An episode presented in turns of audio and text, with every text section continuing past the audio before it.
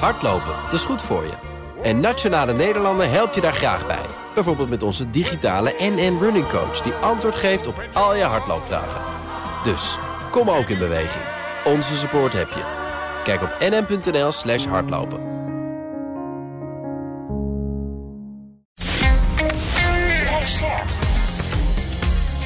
BNR Nieuwsradio. De nieuwe wereld. Annette van Soest. Herinvoering van de dienstplicht. CDA-leider Wopke Hoekstra ziet het helemaal zitten. Ben je tussen de 18 en 25, dan ga je een jaar lang werken bij de krijgsmacht of ergens anders in dienst van de maatschappij. Het zou onze gemeenschapszin, weerbaarheid, samenleving en eenheid versterken, aldus Hoekstra. Maar is dat ook zo? De militaire dienstplicht, daar maakten we hier bij de Nieuwe Wereld eerder al een uitzending over. En daarom stellen we dit keer de vraag: wat als we een maatschappelijke dienstplicht invoeren? Sinds Rusland Oekraïne binnenviel is de discussie over herinvoering van de militaire opkomstplicht, want dat is het officieel, weer opgeleid. We maakten daar afgelopen najaar al een hele aflevering over. Luister die vooral even terug. Korte samenvatting: geen van de experts die ik daar toen over sprak vond het een goed idee. Econoom Frank Hubers bijvoorbeeld wees op de verborgen kosten van de dienstplicht. Tot 18 jaar na de dienstplicht verdienen de dienstplichtigen nog steeds 5% minder dan, hun, uh, dan als ze niet in dienst hadden geweest. Hoe verklaren jullie dat inkomensverschil? Eigenlijk een paar redenen. Dus ten eerste omdat ze, uh, stel dat ze niet in dienst hadden gegaan, hadden ze dus uh, of van een school gegaan of in een carrière gewerkt. Dus dat zijn twee jaar extra die ze nu kwijt zijn. Dus ze lopen eigenlijk twee jaar achter op hun leeftijdsgenoten. Ten tweede, het is een stuk minder effectief als jij na de middelbare school opeens twee jaar ertussenuit gaat. Je, verliest kennis. kijk naar wiskunde, statistiek, dat, raak je heel snel kwijt als je het niet gebruikt. En begint dan met een universitaire opleiding of met een HBO-opleiding en die, je begint eigenlijk met een achterstand meteen. En dat zagen we ook terug in, in de opleidingsniveaus, dat, dat mensen die in dienst waren geweest een kleinere slaagkans hadden en uh, minder vaak met een diploma uh, uh, afkwamen dan zij die niet in dienst waren geweest. Al dus econoom Frank Hubers. Iemand die ik toen ook sprak was oud-commandant ter strijdkrachten Mart de Kruif. Aanvankelijk was hij voor de dienstplicht, maar zegt hij: het métier is zo veranderd, nu heb je toch echt een beroepsleger nodig. Hoe kijkt hij aan tegen een maatschappelijke dienstplicht? Nou, ik heb het ooit als jonge kapitein op de Hogere Krijgschool moet je een uh, thesis schrijven, dus een eindstudie. En die van mij ging over maatschappelijke dienstplicht. dus heb ik moeten... ook daar denkt u heel anders over in. Nee, nou, dat heb ik moeten onderzoeken of dat überhaupt kan. Dus dan weet je dat het wettelijk tot beperkingen stuit. Maar goed, daar zou je op den duur wel wat aan kunnen doen. Maar eigenlijk was een hele simpele vraag kun je wel alle jongens en meisjes die 18 of 19 worden, kun je die gewoon kwijt. Heb je daar een baan voor? Hè? Even mhm. los van de organisatie. Dus we hebben gekeken naar de politie, de landbouw, natuurbehoud, de zorg en de defensie. En de conclusie was dat dat in principe kan. Dus er zouden, zouden voldoende banen moeten zijn om dat te doen. Nou, de, dat is prima, die constatering. Maar uh, het is natuurlijk een hell of a job om dat te organiseren. Dat doe je echt niet zomaar. Want je moet wel de begeleiding en de vorming hebben. En toch, en toch, naarmate ik wat ouder word, word je misschien wat wijzer. We hebben wel een maatschappij waarbij de scheiding tussen jong en arm en uh, of jong, tussen jong en arm, ja, jong en oud, rijke en, en, arm, maar ook uh, segregatie van rassen toch wel duidelijk is. Als je in Rotterdam Zuid wordt geboren, dan kom je niet meer in aanraking met jongens die in Naarden wonen. Hè? Uh, ze gaan een eigen school, ze hebben een eigen loopbaan. mensen uit Zeeland kennen geen Friese boeren meer of mensen uit Amsterdam. En wat de dienstplicht wel had, was dat je iedereen, ongeacht afkomst, op één kamer had. En je had dus een enorme binding tussen verschillende maatschappelijke groepen. Ongeacht afkomst van ras, geografie, uh, scholing. En dat missen we wel in deze maatschappij. Dat, dat samenbinden mis dat je respect voor elkaar krijgt op grond van wat iemand is. En niet wat je denkt dat iemand is. En daar zou maatschappelijke dienstplicht best wel eens een rol in kunnen spelen. Ja, maatschappelijke dienstplicht zorgt ervoor dat je met mensen uit alle hoeken van de samenleving in aanraking komt. En dat is goed voor je ontwikkeling, volgens de Kruif. Maar werkt dat inderdaad zo? Evelien Tonkens is hoogleraar burgerschap en humanisering van de publieke sector aan de Universiteit voor Humanistiek in Utrecht. En ook zij staat positief tegenover het idee van maatschappelijke dienstplicht. Ik denk een belangrijk voordeel is dat je uh, iedereen door dezelfde mal haalt als het ware. Dus dat je iets, een plek hebt, anders dan school, waar mensen van verschillende sociale lagen elkaar eh, ontmoeten en allemaal min of meer hetzelfde meemaken. Het idee van zo'n maatschappelijke dienstplicht is ook dat het de kansenongelijkheid verkleint, dat het uh, sociale cohesie in de maatschappij vergroot. Is dat ook zo? Nou, dat weten we eigenlijk niet, want we hebben het nog nooit op die manier uitgeprobeerd. Je kunt je wel voorstellen dat het uh, uh, mensen in ieder geval met elkaar verbindt, omdat ze dat allemaal meemaken. Het helpt denk ik ook wel om het onderwijs wat te ontlasten. Want wat we nu eigenlijk altijd doen als er een sociaal probleem is, dan zeggen we nou, het onderwijs moet ook nog iets doen aan de, inderdaad kansenongelijkheid. Niet alleen met leren, maar dat ook mensen elkaar ontmoeten en elkaar begrijpen. En dat ze weet wat we allemaal, wat we allemaal verzinnen, moet het onderwijs doen.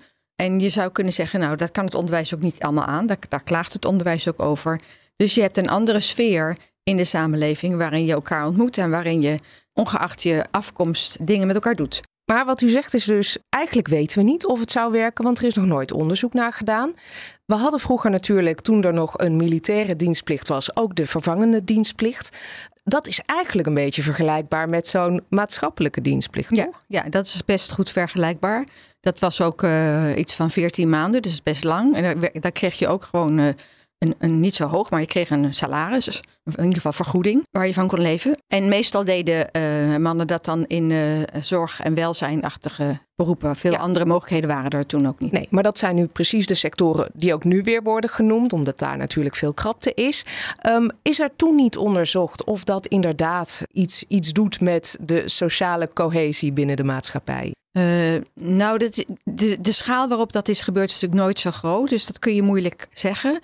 Uh, het is wel zo dat uh, een deel van die mannen ook in de zorgsector is blijven werken, terwijl ze ja, misschien dat anders niet hadden gedaan. Hoeveel dat er precies zijn is ook niet bekend. Een ander ding is natuurlijk wel dat het uh, mensen bekend maakt met een sector die ze misschien inderdaad anders niet zouden leren kennen. En dat zou nu denk ik niet alleen de zorgsector hoeven te zijn, maar ook bijvoorbeeld dingen op het punt van milieu, ontwikkelingssamenwerking, onderwijs. Onderwijs zou ook heel prima kunnen, ja. ja. Maar dan, dan beschouw je het dus vooral als een manier om personeelstekorten op te lossen. Ja, nee, dat, dat, ik denk dat, dat als je dat alleen als doel hebt, dan moet je het volgens mij niet doen. Dan moet je gewoon mensen beter betalen in die sectoren en zorgen dat ze daar gaan werken. Dus een doel is inderdaad dat mensen elkaar op een andere manier ontmoeten. Dat je allemaal door dezelfde, hè, dat je dezelfde ervaring hebt, niet alleen in het onderwijs. Een ander doel is dat jongeren ook vaak nog niet zo goed weten wat ze nou eigenlijk willen en waar, wat er allemaal te koop is in de wereld. En dat je op die manier uh, wat leert kennen over iets waar je misschien helemaal niet in gaat werken, maar wat wel heel leerzaam is om te leren kennen. En ook gewoon dat je iets doet voor de samenleving. Dus dat je zegt van nou, er is een jaar waarin ik mij inzet voor ja, gewoon wat er nodig is. En ik leer wat kennen van hoe, hoe de dingen werken. En nu is het vaak zo dat natuurlijk uh, als jongeren het zich kunnen permitteren, dan hebben ze een tussenjaar. En dan gaan ze lekker op reis. En dan gaan ze op reis. En voor de rest weten ze het niet zo goed. En werken ze heel veel aan de horeca. Nou, dat word je ook niet speciaal heel. Op een gegeven moment heb je dat wel gezien, denk ik. Dus iets meer verrijkende ervaring dan de baantjes die ze meestal aan kunnen krijgen. Idealiter is het, is het goed voor de samenleving, maar ook goed voor jongeren zelf. Ja, er bestaat wel al zoiets als een uh, vrijwillige maatschappelijke diensttijd, de MDT. Wat kunnen we daarvan leren? Misschien ja. moeten we even uitleggen wat het is. Ja, het is uh, uh, een regeling die een paar jaar geleden is ingegaan, waarbij uh, jongeren vrijwillig en ook onvergoed iets kunnen doen voor de samenleving en ook voor zichzelf. En dat is dan minimaal 80 uur en maximaal een half jaar. En dat doe je er dus echt bij. Want 80 uur, dat is gewoon twee weken. Dus dat is best kort. Dus ja. dat is meer een, een bijdingetje. Ja, en dan moet je denken aan maatje worden van eenzame ouderen of statushouders Nederlandse taal lesgeven. Ja. Dat soort dingen. Dat soort dingen, ja. En ik denk zelf, omdat het zo kort is, betwijfel ik eigenlijk of dat nou heel erg nuttig is. Want als je 80 uur een eenzame oudere gaat helpen, die heeft die eenzame ouderen natuurlijk niet zoveel aan. Want dat doe je dan een aantal weken en daarna ben je alweer weg. Dus ik denk dat als je het wil doen, moet je het denk ik uh, langer en, en degelijker doen. Waar we weten dus niet zoveel van de effecten, maar in Duitsland hebben ze het al wel veel langer. De Bundesfreiwilligendienst heet het daar. Daar uh, zijn ze mee begonnen in 2011 toen ze daar de dienstplicht uh, gingen afschaffen. Maar toen bleek al dat er meer jongeren vervangende dienstplicht deden dan militairen. Dus toen dachten ze, nou, dan gaan we daarop inzetten. En daar doen ze het op het terrein van zorg en welzijn en ook milieu en eh, ontwikkelingssamenwerking. En voor wie is het? Ja, het is voor eh, eh, iedereen die niet meer leerplichtig is. Dus ongeveer vanaf 16 jaar in Duitsland. En ehm, je mag het zelfs ook doen als je met pensioen bent. Maar de meeste mensen zijn onder de 27. Vrijwillig dus in Duitsland. Ehm, wat uitgebreider. En onze bovengrens, dus zes maanden, is daar de ondergrens. Hè? Je moet het minimaal zes maanden doen. Klopt. Je werkt dan dus eh, eigenlijk gewoon voltijds ergens. Tenzij je al ouder bent. Maar voor jongere mensen is het een voltijdse activiteit. Ik ben daar ook eh, op werkbezoek geweest een jaar of eh, tien geleden. En, Toen ze het dus net hadden ingevoerd. toen hadden ze het nog maar een paar jaar ingevoerd. Toen was eigenlijk heel erg de vraag of het wel zou blijven. Want het werkte wel goed, maar toen deed ongeveer 10% van de jongeren eraan mee. En daarvan zeiden ze zelf, ja, dat zijn de gymnasiasten. Eh, dus dat zijn eigenlijk de, de, de jongeren met een, ja, wij zouden zeggen een VWO-opleiding. Die eigenlijk al best wel maatschappelijk georiënteerd waren. En die al wel ja, een beetje wisten wat er in de wereld te, koop was. Terwijl het idee, als je zegt van ja, je wilt juist dat het voor iedereen is. En je wilt ook dat verschillende mensen elkaar ontmoeten. Dan, ja, dan werkt het natuurlijk niet. Dus toen was het ook heel erg de vraag van blijft het eigenlijk wel bestaan? Eh, maar goed, het, het is dus wel blijven bestaan. Er doen nog steeds niet heel veel jongeren aan mee.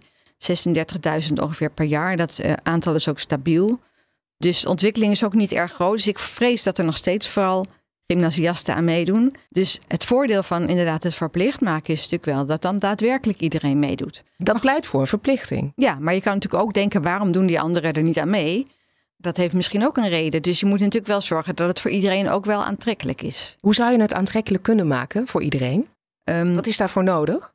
Nou, ik denk in ieder geval dat je moet, eh, eh, fatsoenlijk moet betalen, zodat mensen er ook van kunnen leven. Er zijn ook wel voorstellen om eh, te zeggen van nou, als je dat hebt gedaan, dan heb je daarna bijvoorbeeld ook wat geld gespaard om bijvoorbeeld een startkapitaal voor een huis of zo. Nou, ik weet niet of je dat moet doen, maar ik denk dat je het in ieder geval goed moet betalen en dat je mensen ook duidelijk moet maken dat het wel een verrijking van hun leven is. En daar moet je ook zorgen dat het dat ook wel is natuurlijk, hè? Wanneer is het dat?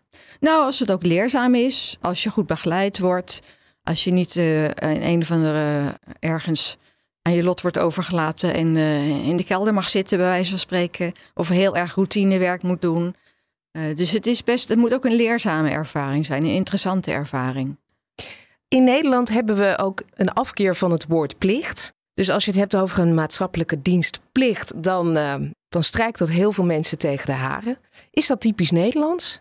Ja, ik denk dat wij wel extra eh, gefascineerd zijn door vrijheid, eh, meer dan eh, elders. En dat wij denken dat vrijheid vooral is dat je iets ergens niet toe verplicht wordt.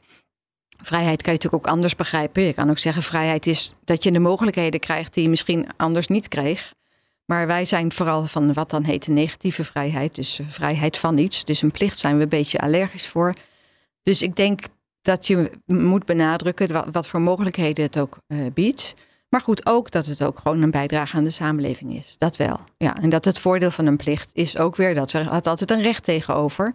Dus op het moment dat jij daartoe verplicht bent, betekent het ook dat de overheid moet jou helpen dat je ook een goede plek kan vinden. En dat het ook een leerzame ervaring is. Dat vergt natuurlijk heel veel organisatie. Je kunt niet zeggen, nou, eh, wij bedenken dit, regel het maar, bedrijfsleven. Nee, nee, of, ik, nee, nee. of zorg of onderwijs. Ja, dus ik denk dat het. Ik, ik kan me ook niet eens voorstellen hoe, wat het zou zijn als je dat van de ene dag op de andere dag zou invoeren.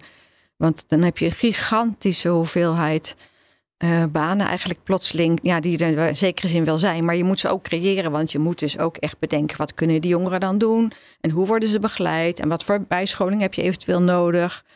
Dus er zit, zit heel veel logistiek aan. Dus ik denk dat je het toch op een manier langzamer... Als je het wil invoeren, moet je denk langzaam invoeren. Eh, dus misschien eerst mensen loten of zo. Want anders is het denk ik gewoon praktisch niet te doen. Zo'n systeem optuigen, dat is dus een hele klus en het vergt een flinke investering. Talkshow op 1 confronteerde minister Hoekstra met eerder berekende kosten. Alleen al de invoering kost 15 miljard euro. 15 miljard, dat zijn eenmalige kosten. Hè, Dat is, eh, wat is het, 2% van het BBP. Dat is één keer uitgegeven. Oké. Eh, En daarna gaat het om een relatief klein bedrag eh, jaar op kost jaar. 70 miljoen per duizend dienstplichtigen. Ja, dus dat is, dat is veel geld. Je moet, Ja, je moet maar- geld van de. Nee, ik ga hem toch even afmaken. Je, gaat, je moet geld van, van de belastingbetaler. Daar, daar, daar blijf ik voorstander van. Moet je altijd op een verstandige manier uitgeven. Maar laten we nou eens kijken wat er aan de hand is. Hè, op het gebied van geopolitiek en onveiligheid eh, in, in, in Europa. Laten we eens kijken wat er aan de hand is in de Nederlandse samenleving. En echt, als ik kijk naar wie mij allemaal benaderd hebben, ook het afgelopen weekend weer, dat zijn juist mensen die met jongeren in aanraking komen. En die zeggen zonder uitzondering: Weet je wat goed voor ze zou zijn? Precies dit. Voor Hoekstra bestaat er dus geen enkele twijfel. De baten wegen absoluut op tegen de kosten. Iemand die daar heel anders over denkt is Lex Borghans, hoogleraar arbeidseconomie en sociaal beleid aan de Universiteit Maastricht. Volgens hem is maatschappelijke dienstplicht duur en levert het weinig op. Het hangt er af hoe je precies gaat organiseren. Maar stel dat je mensen één jaar lang maatschappelijke dienstplicht wil laten doen. Als je ervan uitgaat dat mensen 40 jaar werken, zou dat 2,5% zijn van de, van de gewerkte tijd in Nederland. Het komt erop neer dat je 2,5% van het inkomen in Nederland ga je dan via deze route eh, zou je moeten verdienen. Maar het, eigenlijk is het ook een soort Sovjet-Unie-systeem dat je gaat introduceren voor die 2,5%.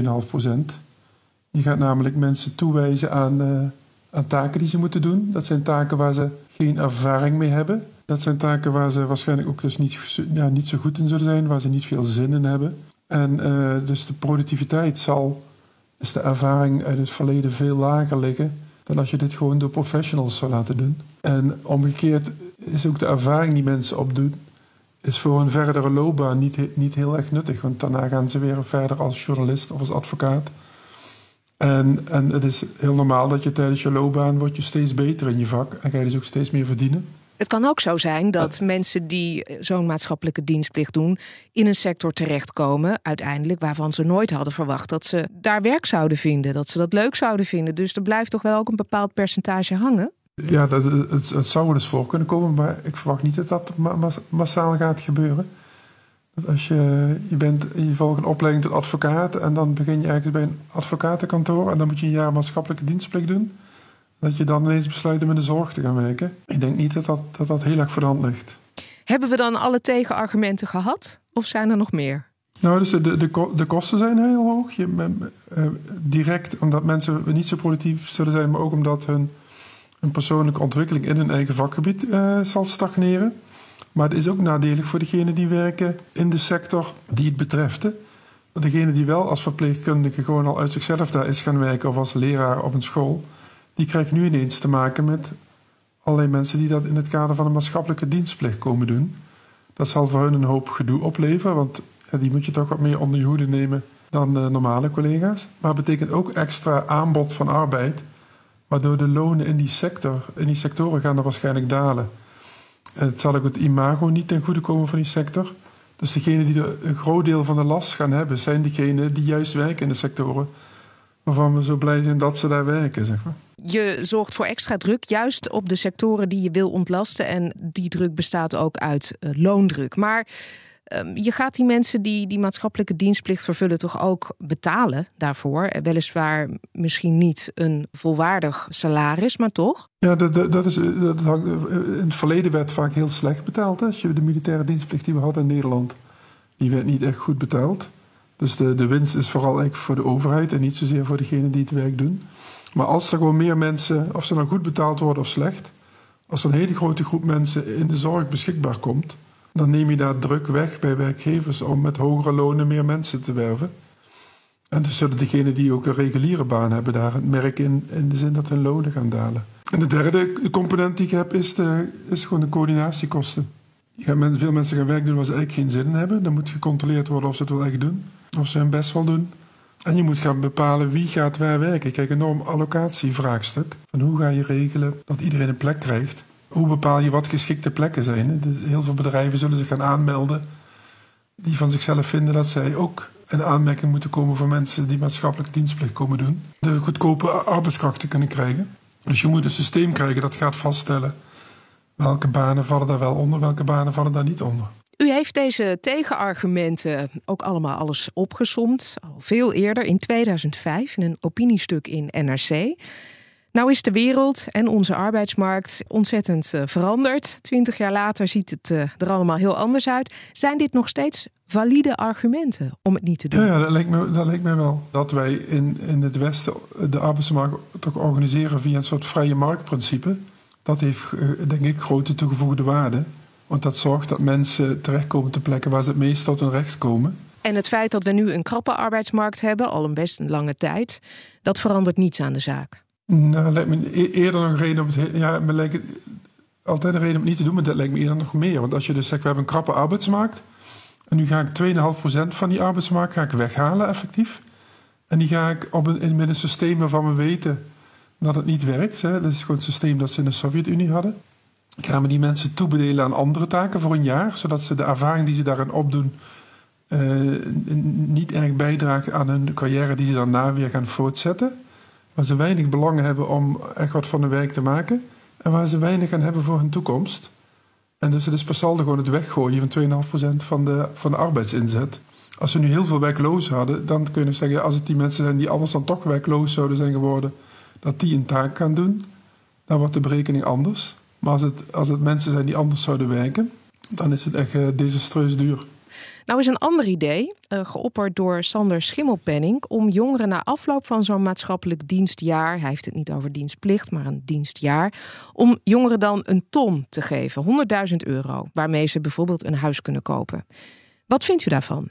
Ja, ik, ik, ik vind dat die twee plannen die hebben weinig met elkaar te maken. En dus alleen doordat als je zegt van het is niet meer verplicht, maar je kunt het doen en dan krijg je die ton. Je krijgt die ton natuurlijk pas als je het ook echt hebt gedaan. Ja, ja maar je kunt ook zeggen ik doe het niet. Hè? Mhm. Dus je maakt het wel vrijwillig, wat ik wel iets fraaier vind. Maar vrijwillig is wel tussen aanhalingstekens. Want ja, je laat een ton, voor de meeste jongeren is het natuurlijk een ton jaarsalaris.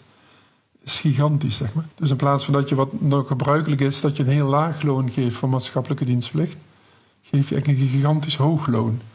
Dus, dus de overheid betaalt dan een ton voor een jaar werk wat weinig op zal leveren. Dus ze, ze gooien dat jaar eigenlijk weg.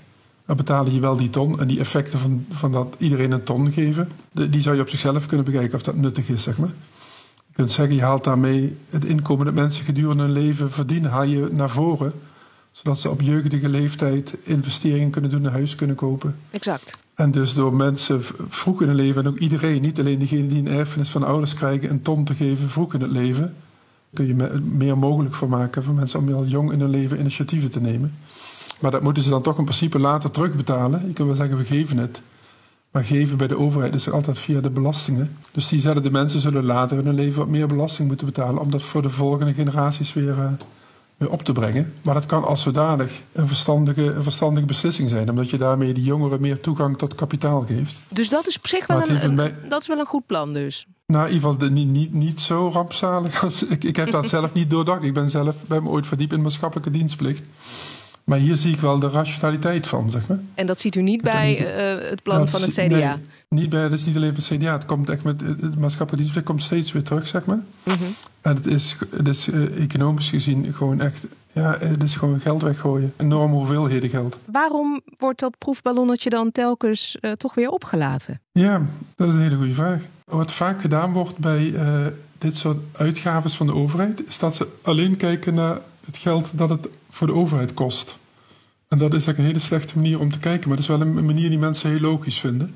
Als je alleen maar kijkt wat kost het de overheid, en je kijkt niet dat het de maatschappij zelf, de burgers, gewoon een jaar inkomen gaat, gaat, gaat kosten. En dat het de bedrijven een jaar productiviteit gaat kosten. Dan onderschat je gigantisch de kosten van het geheel. Maar als je werkelijk alle kosten optelt, dan zijn de kosten gewoon gigantisch groot. En dan zal niemand nog zeggen dat dat een goed idee is om daar zoveel uit te geven. Om op deze manier sociale cohesie te bevorderen. Dan denk ik dat je met wat creativiteit ook op goedkopere alternatieve methoden uitkomt om hetzelfde te bereiken. Maatschappelijke dienstplicht. Het laatste woord is er nog niet over gezegd, maar wel door ons. Voor nu dan. Tot volgende week.